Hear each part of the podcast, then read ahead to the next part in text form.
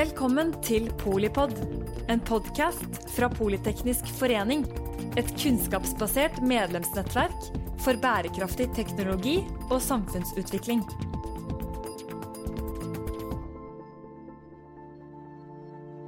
Uh, ja, da er vi uh, i paneldiskusjonmodus.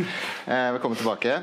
Um, det Du var inne på det, Steinar. Du, du, du, beskrev en slags sånn eh, eh, Hva skal man kalle det? En sånn eh, berg-og-dal-banekurve rundt eh, subsidier.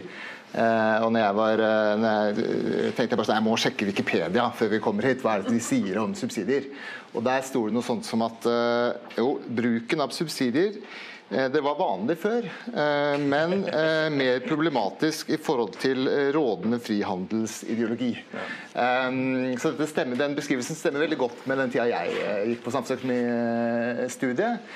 Men jeg tror kanskje den trengs en oppdatering. Jeg har fått en hypotese. Så Eh, med alle de nye og store subsidieordningene vi har eh, sett nå, strømstøtteordning, oljeskattepakka, koronaliv, korona- og næringslivsstøtte, elbilpolitikken, batteristrategi, hydrogenstrategi kommer kanskje snart. Er det sånn at subsidiebruken har økt over tid? Du, du var jo inne på det, men har vi en subsidiegalopp? Vil du kalle det? Ja, jeg vil si, sånn som jeg tolker bildet nå, så er vi i eh, startgropa av det. Vi har ikke, vi har ikke, det, har ikke vært, det har ikke skjedd, det har ikke vært noe dramatisk til nå. Eh, bortsett fra disse, altså, disse kortsiktige tingene rundt covid, som for så vidt er eh, avviklet i Norge, i hvert fall. Så er det litt mer subsidiegalopp på gang når det gjelder mer permanente og langsiktige ting. Og, og knyttet da spesielt til øh, omstilling ved grønt skifte kombinert med eh, sikkerhetspolitiske hensyn, i hvert fall som brukes som argumenter. Alle skal, ha, alle skal ha, lage selv disse mikroskipene, og alle skal selv lage eh, litt medisiner. Og alle skal selv lage noen batterier og hydrogen og slike ting. At det er veldig, veldig sånn. og det, Når vi ser det, og de store landene, store økonomiene er fullt med på dette, så, så er dette en utvikling som som jeg er redd vil, vil bli en galopp og en konkurranse mellom landene om å gjøre. Inntil man, man, erfar, inntil man gjør som man erfarte tidligere, at vi må bli noe enige om dette her. Og det er, kan gå 10-20 år til, altså. Mm. Er du enig i det bildet Steinar eh, beskriver her, Bård? Eh, ja, jeg tror, jeg tror også som Eh, ja, jeg er enig i det mm, eh, på mange måter. og jeg tror vi skal også tenke etter hva som er årsaken til at det blir eh, subsidier. Som Merete sa, at er det ofte sett på en second er en nest beste løsning. For vi ville gjerne hatt avgifter på det som forurenser. Men hvis vi ikke får til det, så kan vi prøve å ha skatte, subsidier på det som er alternativet. Men jeg tror at det er lurt å tenke etter, etter hva som er årsaken til at vi ikke klarer å få til den beste løsningen, og om det går an å gjøre noe med de problemene. Eh, en årsak der er jo at det er dyrt for bedriftene, og at hvis de har muligheten til å påvirke og få subsidier isteden, så er det bedre for dem. Og Den muligheten den oppstår dersom, er, eh, eh, dersom myndighetene har råd. Så Hvis myndighetene har råd til å ha subsidier istedenfor avgifter, så er det lettere, mer sannsynlig at det blir utfallet. Mm. Og Det er, det er tilfellet for en uh, relativt rik uh, nasjon som Norge. Der det er lettere å ha subsidier enn avgifter. Så vi, Der er det større sjanse for at vi kan forvente nest beste løsninger istedenfor beste løsninger. En annen ting er det med galopp. Når, land, uh, når ett land, f.eks. EU, USA, nå plutselig begynner å subsidiere næringer for det grønne skiftet, så, kan, så er det mange i Norge som argumentere, og EU, EU og Europa generelt, at det er et optimalt svar at vi må gjøre det samme. Må, og Da får man den kollappen, hvis alle skal ha subsidiere og passe på at de er et attraktivt sted for bedrifter, istedenfor at de flytter til USA, så får man en slags eh, galopp. Men må, jeg tror det er lurt å tenke etter hva som egentlig er et optimalt svar. Dersom eh, USA prøver å subsidiere f.eks. la oss si batteriteknologi, da, eh, er, så er det ikke nødvendigvis at det, det optimale det svaret på det er at vi skal gjøre det samme. For Vi har jo internasjonal handel, så hvis det er slik at USA blir veldig god på å lage batterier takket være disse subsidiene, så betyr det at de kan kjøpe det billig derfra. Og Da er det, er det, kanskje ikke det mest fornuftige bruken av våre penger å subsidiere i samme type teknologi. Mm.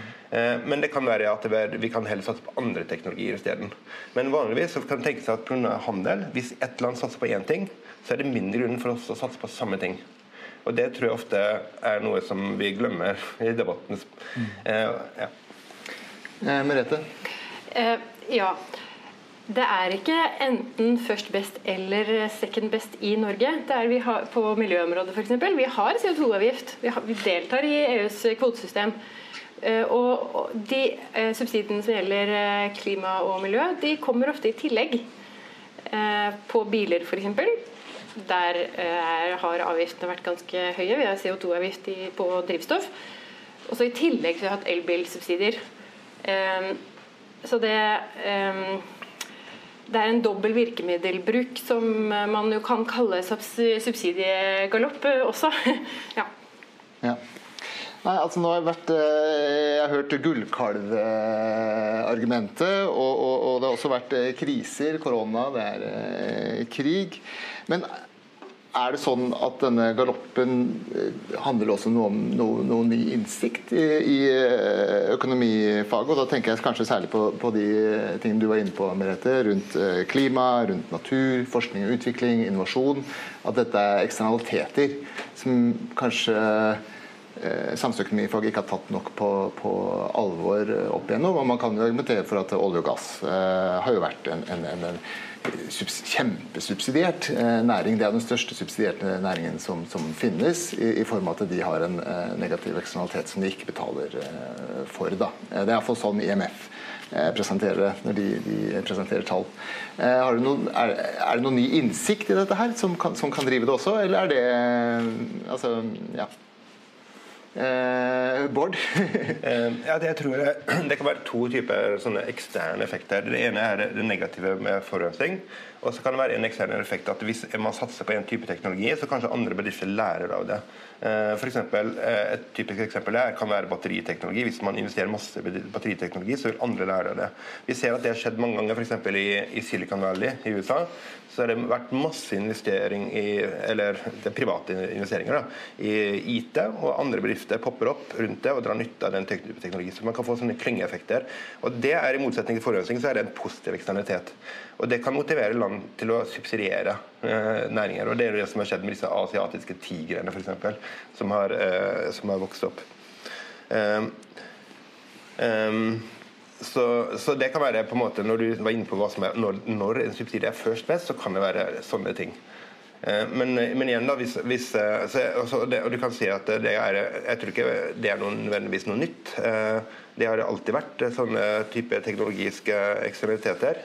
Jeg, ser, jeg, tror ikke at det er en, en rasjonell grunn til at subsidiene skal øke for eksempel, over tid. Nei. Altså, hvis det er eh, altså hvis, altså jeg tror Teorien om eksternaliteter har jo vært der lenge. Men omfanget av eh, eller forståelsen av hvor stor negative eksternaliteter er knyttet til ulike produkter og produksjonsmetoder, den har jo økt. Og kostnaden derfor eh, ved, ved utslipp og forurensning og andre ting blir derfor høyere, eller vurderes som høyere.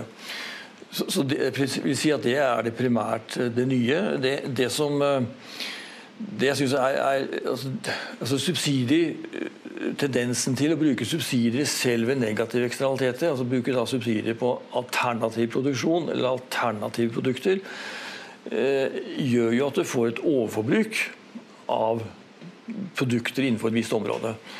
Uh, og, det gjør at uh, og det, det, er tendensen til å gjøre det altså det er, det er lett å gjøre det fordi uh, de som da på en måte skal omstilles det er ikke noe press på dem for å omstille. De, de, de, man endrer produksjonsmetode ikke fordi blir, den gamle er dyrere, men fordi den, den nye da subsidieres så mye at man da kan velge å, å, gjøre den. Eller man velger elbil framfor, framfor framfor fossilbil.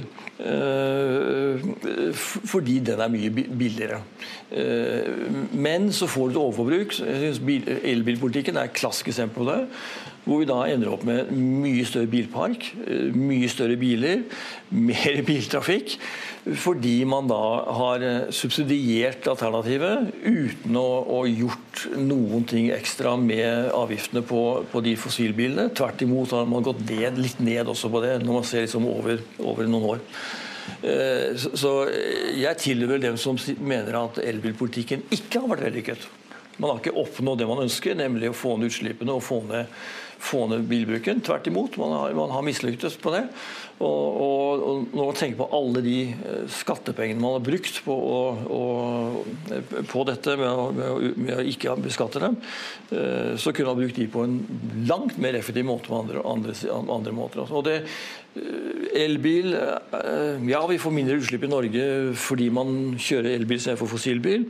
Produksjonen av elbil er mer forurensende, men det er jo i andre land, så det bryr ikke vi oss om. Eh, og, og, vi må ha mer asfalt, vi må ha mer broer og betong, og det er veldig forurensning. Så summen av effekten av dette eh, har ikke jeg sett noe godt, godt regnskap på. Altså. Det er, eh, og, det, og, det, er litt typisk også. Man fokuserer på ett produkt og kjører på det skal redde verden. Og så ser man ikke på total, totaleffekten og, og, og, ringvirkningen av det, og hva man ender opp i sum. Og jeg synes Elbilpolitikken er et eksempel på det. Mm. Hvis jeg kan bare koble på raskt Jeg tror jo eh, de fleste samfunnsøkonomer du snakker med, vil, vil være enige, langt på vei enig med deg der. Eh, men så er det mitt inntrykk at eh, elbilpolitikken er kjempepopulær. Kanskje ikke så rart, det er mange som kjøper elbiler. Og når jeg snakker med, med veldig godt skolerte ingeniører, så, så sier de at dette her er det beste klimatiltaket Norge noen gang har gjort. Eh, og Det handler ikke om Norge, men eh, her har man fått i gang en global eh, elbilindustri. Tesla hadde aldri hatt den teknologiutviklingen de ikke hadde hatt hvis de ikke hadde hatt et sånt first mover-marked eh, i Norge. Eh, jeg vet at dette er en brannfakkel, men eh, hva er argumentene mot her? Altså, Merete eller Bård? Ja. Uh. Ehm, jeg kan tenke litt. Hvor først? Ja, jeg tror California er det største markedet eh, for elbiler. Mm. Eh, Norge er antagelig størst per innbygger. Eh, men, når, men, men, også store i en global ja, store, Norge, ja. Så det gjør nok det er litt mer lukrativt å, å satse på, på, de alternativene til det som forurenser. Men hvis jeg går tilbake på, på argumentasjonen for at vi skal gjøre nest beste løsning istedenfor beste løsning, så er en argumentasjon som jeg nevnte, at vi kan være redd for at bedrifter går konkurs, og det kan ha langsiktige virkninger. Men der har økonomisk forskning en del å bidra med når det gjelder hvor sannsynlig det er at bedrifter som går konkurs, gjennomstår når det blir mulighet for det. Eller om de da frigjør ressurser, f.eks. bygninger, fabrikker, arbeidskraft, til andre bedrifter som vil ha lettere med å starte opp. Og Denne tilpasningsevnen til markedet den er nok, den tror jeg er større enn det virker som i eh, debatten i Norge, eh, og også i andre land. For eksempel, et eksempel på det er EUs eh, kvotemarked. EU ville begrense sine utslipp på karbondioksid, innført kvotemarked. og Så var det spørsmålet hvor stramt skal det være? Hvor mange kvoter skal de gi ut? Og hva er en fornuftig pris på det? Eh, og Da endte de opp med å finne, komme fram til et svar. Så når bedriften tilpasset seg, så ble kvoteprisen nesten null. Fordi de hadde en mye større evne til å tilpasse seg kvotemarkedet enn det bedriftene, byråkratene og politikerne har forutsett. Så de ga altfor mange kvoter i forhold til det som var nødvendig. Mm. Eh, eh, og, og det, et, det, er ett eksempel på at eh, byråkrater eh, og politikere ikke forsto hvor tilpasningsdyktig markedet faktisk er. Og Det tror jeg vi må huske på også når det er snakk om, for om eh, negative avgifter og muligheten til å gå konkurs. Det, da er det stor sannsynlighet for at det, det andre bedrifter kunne dra nytte av disse ressursene. Vi får tilpasning. Så kanskje istedenfor å fokusere på at vi da må unngå denne kostnad, transaksjonskostnaden og gi nest best løsninger, så kanskje vi heller kan prøve å tenke på hvordan kan vi øke tilpasningsevnen til markedet enda litt mer med å gjøre f.eks. det mulig å ansette i oppstartsfasen eh, midlertidig, f.eks. Eh, eller å regulere startkostnadene til bedrifter.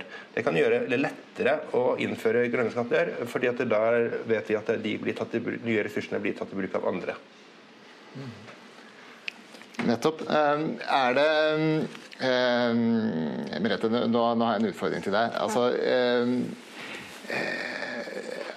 kan du gi noen eksempler? Hva, hva tenker du er det liksom et, et, skikkelig godt eksempel på en vellykka eh, subsidieordning i, i eh, Norge. Og eventuelt hvis du eh, kan sparke litt og si denne her vil jeg gjerne forbedra.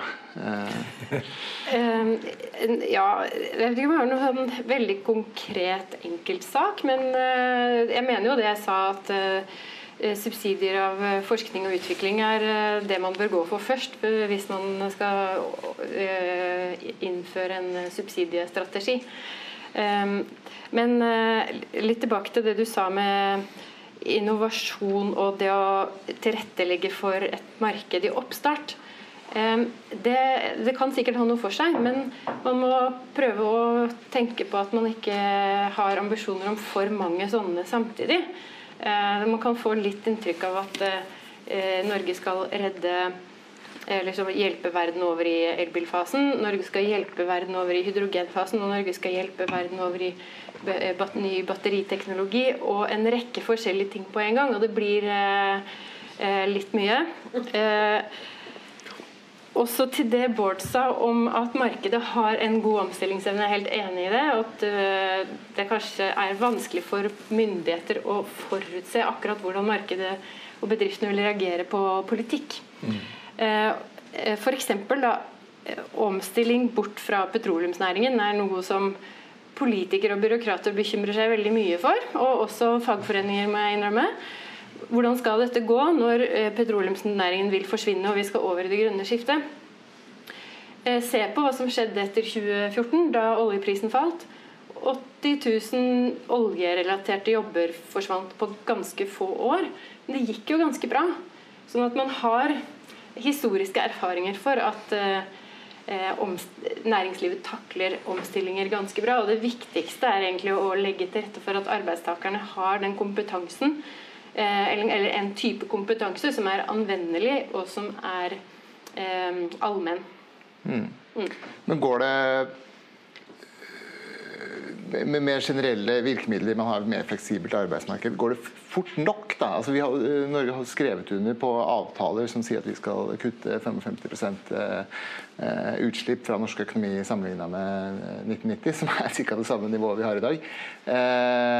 Må man ikke da, Politikerne som har skrevet under en avtale, og, og som må stå skolerett for FN og, og EU, må vi ikke da ha litt sterkere lut til, Bård? Ja, Sterkere kan man gjøre på tre måter. Man kan ha enda høyere avgifter. Eh, slik at det blir enda større grunn til å, til å slutte med det som forurenser, f.eks. Eh, eller man kan eh, subsidiere i tillegg. og hvis, man, hvis, det er vanskelig å sette opp avgiftene, så er det igjen da, nest beste løsning er det en kombinasjon kanskje av subsidier og ikke. Men en tredje løsning er da, som jeg nevnte, å prøve å gjøre det mulig på andre måter enn skatter og avgifter, å prøve å gjøre det mulig for bedriftene å tilpasse raskere Eh, og det kan være eh, som jeg sa, å gjøre arbeidsmarkedet mer fleksibelt, men det kan også være for å eh, sørge for at informasjon om ny teknologi er lett tilgjengelig. Og Det er det store positive eksternaliteter. Hvis det er ny teknologi, så må andre lære av det. Det er en positiv eksternalitet som, kan, som kan forsvare subsidier. Mm. På, og Det er jo derfor det, nettopp det Enova gjør, f.eks. De subsidierer jo enøktiltak. Noen av den teknologien er allerede kjent, så kanskje det er nest beste løsning. Men hvis det, er, hvis det er snakk om ny teknologi, så kan det være en øh, fornuftig bruk av skattepenger. Ja. Ja, altså, vi er undertegnet avtaler, og vi skal, vi skal uh, ned kraftig innen 2030. Og, og det, det ligger, vi ligger jo an til å ikke greie det. Uh, og, og da, da altså, Istedenfor å ha fokus på det som man skal gjøre, nemlig å få ned utslippene, så er det fokus på hva vi skal produsere som etter hvert kan gi effekt i miljøeffekter. Eh, og Da er det batterier og det er hydrogen osv. Og, så og vi, vi skal også ha vindmøller og hele. Altså, veldig lite av dette, om noe, vil ha noen effekt innen 2030. Eh, og kanskje vil det være negativ effekt innen 2030, fordi fabrikker skal bestå, av betong og alt mulig, og det er forurensende. Så vi, er, vi har ikke fokus, altså i, I politikken så har vi ikke fokus på det som er målet. Vi har fokus på sånne sidegreier. Eh, og blander sammen eh, miljømålene med næringspolitikk. At, vi skal, at, vi skal, at, det er vi som må produsere disse, all den leamikken som skal hjelpe oss til å bli, bli grønnere. Og Det mener jeg er helt feil fokus. Eh, og hadde vi hadde vi hatt fokus på det som var det viktige, så ville vi kjørt opp CO2-avgiftene eh, mye tidligere. Og vi ville brukt, brukt, de virkemidlene der. Og vi ville også f.eks. gitt støtte til at folk kan eh, kan mer, mer hjelp til Eller mer installasjoner av sånne solpaneler og varmepumper og, og sånt noe, som, som jeg forstår har gjort mye mer i Sverige. Og hvor de også har fått så vidt jeg skjønner, så har de også fått, er mer på en glidende ned, glir mer ned på, på utslippene det vi gjør. Eh, så Vi har hatt feil fokus eh, og vært opptatt av andre ting ved siden av, som da kanskje gir effekter om 20-30-40 år, eh, men som da i mellomtiden ikke har noe særlig effekt. Bård? Ja, vil, altså, selv installering av solpaneler og andre enøktiltak vil man jo selv gjøre dersom man har høye strømpriser. Mm. Så det Behov for å subsidiere det oppstår jo egentlig kun når man samtidig subsidierer strøm. Hvis vi subsidierer strømregningen til folk, så vil de ikke gjennomføre enøktiltak med mindre vi subsidierer det også. Så det på en måte ene subsidieren motiverer den andre. Mm. Eh, så det er fortsatt en nest beste løsning. Men du spurte om et eksempel på når en subsidie har vært vellykket. Selv om det er nest beste løsning, så vil jeg si at et eksempel på det er, er, er eh, subsidie av skogvern i Norge. Og, og, og, det er en ting vi ofte glemmer når vi, har, glemmer hittil i debatten, det er liksom fordelingshensyn. Fordi at hvis man, en, en, en, Det som er en eksternalitet når det gjelder f.eks. Uh, utbygging av natur, det er at uh, de som uh, setter pris på bevart natur, uh, har en negativ eksternalitet. Så en, en first best løsning kan se ut som at da bør vi skattlegge utbygging av natur. Men spesielt når det, er, det rammer f.eks. bønder og skogeiere, så kan det ha veldig, veldig negative eh, fordelingseffekter. Og, da, og, Det er en annen grunn til at det kanskje First Best-løsningen ikke er eh, gjennomførbar eller ønskelig engang. Eh, og da kan man gjøre, for å gjøre det motsatte, da kan man subsidiere vern. Og Derfor har vi denne, i Norge denne frivillige verneordningen, som ligner litt på den regnskogsatsingen som vi også har. Eh, der vi tilbyr eh, skogeiere, eller skogeiere kan selv tilby sin skog for vern og få kompensasjon for det. Eh, Eh, og, og, veldig mange skogeiere i Norge har lyst til å gjøre det. Det står en lang kø av skogeiere som, som gjerne ser at de verner skogen. Kanskje de tar også noe av denne naturverdien eh, eh, og tar det hensyn til den selv. Så de vil gjerne, Det er mange som vil ta i bruk denne subsidien. Eh, så den er suksessfull, for den er ønskelig av dem også.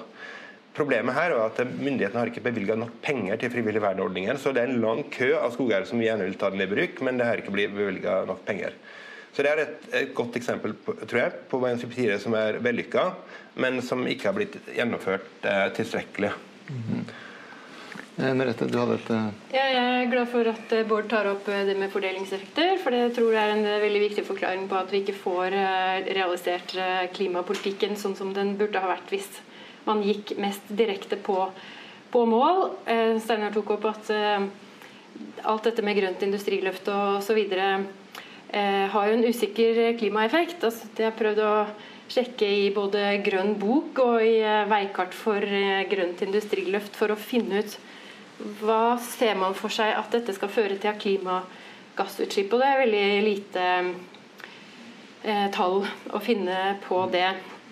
Eh, så at eh, det man helst burde ha gjort, avgifter, høye CO2-avgifter osv., det rammer noen, hvis man bare gjør det, så har det en eh, ganske sterk eh, en indre, en, eh, Det er jo en innstramming for, som rammer bilkjørere og mange andre, som gjør at det blir upopulært. Og det at man ikke har eh, virkemidler for å ta hensyn til det, det bidrar til at man ofte da kanskje går for eh, dobbel virkemiddelbruk og ja, litt, litt avgift og litt subsidie. Um, et annet eksempel, altså Hvis man vil at folk skal kjøre mindre bil i en eh, by, så kan du ha høye bompengeavgifter og dyr parkering. Men det føles veldig urettferdig hvis du da ikke samtidig har bygd opp et uh, rimelig og uh, godt kollektivtilbud, da, f.eks. Mm. Mm. Jeg syns um, Bare en, en kommentar og et spørsmål. Um, vi snakker mye om first best-løsninger og, og, og, og, og second best-løsninger, men er det um, kan samfunnsøkonomene litt for lite med å sy sammen tiltakspakker. Eh, altså Man kunne jo sett for seg at man eh, kan eh, gi eh, avgifter her, og så må man selge inn med noe, noe lavere inntektsskatt, eller eh, eh, som en sånn samla pakke. Hvor, hvorfor er det ikke mer av det? Steiner? Altså, jeg jeg syns det er skissert mange ganger grep av den typen der. og Det, det, det syns jeg også er svaret på den inntektsfordeling. At, at man må da ta det igjen med gjerne negativ skatt for noen. Eh, amerikanerne er flinke til å ha negativ skatt. Eh, skattemyndighetene gir penger til dem. Så, så det, det, det, har vi eh, Jeg ser mer på det som at det har politisk lite vilje for det å gjøre det. Uh, og jeg, jeg, jeg, jeg, er helt enig i at, uh, at, vi kunne gjort mye mer når det gjelder prising av CO2. Og, det, og jeg så på for en stund siden real, hva som har skjedd med realprisutviklingen på bensin. Og den steg jevnt og trutt fram til ca. i Norge, altså for pumpeprisen. Og den steg jevnt og trutt fram til uh, begynnelsen av 2000-tallet, og så lå det flatt. Og gikk litt ned.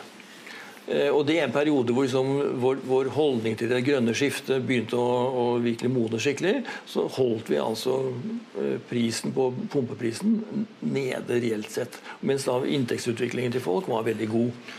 Eh, så vi har, vi har, vi har, vi har og, og, når man ikke gjør dette gradvis, og må gjøre sånne skippertak, det er da det blir skikkelige problemer. og Det, det skjønner jeg det, det, det nytter ikke. Eh, men hadde man gjort dette gradvis fortsatt, fortsatt den utviklingen man hadde på 90-tallet og 70-tallet Og det var jo Bensinavgifter var jo en sånn skikkelig fiskal ønsket eh, inntekt for staten. Mm. Så, så man, og det, man var full aksept for at den bruker vi. Mm. Nå er, ble det plutselig problemer utover på 2000-tallet av ulike årsaker. Men, men, eh, men, men replikk til det Bård om, om, om solceller. Sånn. Jeg er helt enig i at eh, det blir sånn eh, rart at man må subsidiere strømmen, og så må man gi subsidier også til solceller. Men det jeg tenkte på spesielt, også var regelverket rundt det. Hvor, hvor da bygningsmyndigheter sier nei noen steder, og det er noe trøbbel med hvordan du skal få denne strømmen inn på nettet. og du, Bygger du solceller på ett bygg du har, så kan du ikke bruke det på neste bygg uten at du, du betaler, betaler, nettleie. Og Sånn. Så det er mye sånn mikk-makk rundt det som ikke er tilrettelagt, eh, og som man kunne gjort tilrettelagt mye mer også. Da går vi snart inn for landing, men er det noen i panelet som har lyst på en uh, siste replikk de brenner inne med, eller som noe vi burde få med oss uh, hjem? Jeg kan si en ting som jeg tenker vi ikke har diskutert så mye. og det er at det, hvis man eller mer var inne på det, Når vi har uh, subsidier istedenfor skatter, så får man en dollar eller en krone som mange vil drive lobbyvirksomhet på, og det er bortkasta ressurser. Uh, og en, en, løsning på det er jo at det eller politikerne selv ikke kanskje skal bestemme hvordan denne kronen skal fordeles. For eksempel, Problemet med skogfrivillig uh, verneordningen er jo at politikerne selv bestemmer hva som er nivået på frivillig verneordninger denne, denne perioden, fordi det, det står i budsjettet. Eh, og Da får du alle den lobbyvirksomheten. Eh, eh, mens, mens sånne type beslutninger er kanskje bedre å delegere til et byrå, til et faglig ekspertisevalg, på samme måte som vi delegerer sentral, pengepolitikken til sentralbanken, nettopp for at de ikke skal bli utsatt for lobbyvirksomhet og politiske, populistiske strømninger og hensyn til valg. Så Det er en annen måte også, som er spesielt viktig dersom vi snakker om subsidier istedenfor avgifter. Ja. De, kan stille spørsmål til Bård. Får jeg lov til det? Ja. Eh, lobbyregisteret ditt, eh, som jeg syns er veldig god idé. Men, men tror du noe, noen, kan noe av negativ holdningen vi møter på det i Stortinget og andre steder, som er litt pussig, ha sammenheng med uh, trepartssamarbeidet? Med trepartssamarbeidet? Ja, det tror jeg absolutt. Fordi hvis man har samarbeid med NHO, LO, politikere, så for det første så kan man tenke seg at interessegruppene balanserer hverandre til en viss grad. Mm. Men ingen av disse tre partene er på en måte veldig interessert i å ha veldig masse åpenhet. Eh, det er noe velgerne kanskje først og fremst er interessert i. Eh, så man kan si at det både reduserer behovet, men også deres egeninteresse i å innføre eh, eh, mer åpenhet og lobbyregister. Men, jeg tror så kanskje, så er kanskje det er ekstra viktig når det kommer til f.eks. grunnrenteskatten, som har blitt omtalt for det var største lobbyvirksomheten ever for å unngå grunnrenteskatt på, på laks. Eh, og Noe av det kunne kanskje hatt eh, nytte av litt mer belysning, som vi kunne fått med lobbyregister.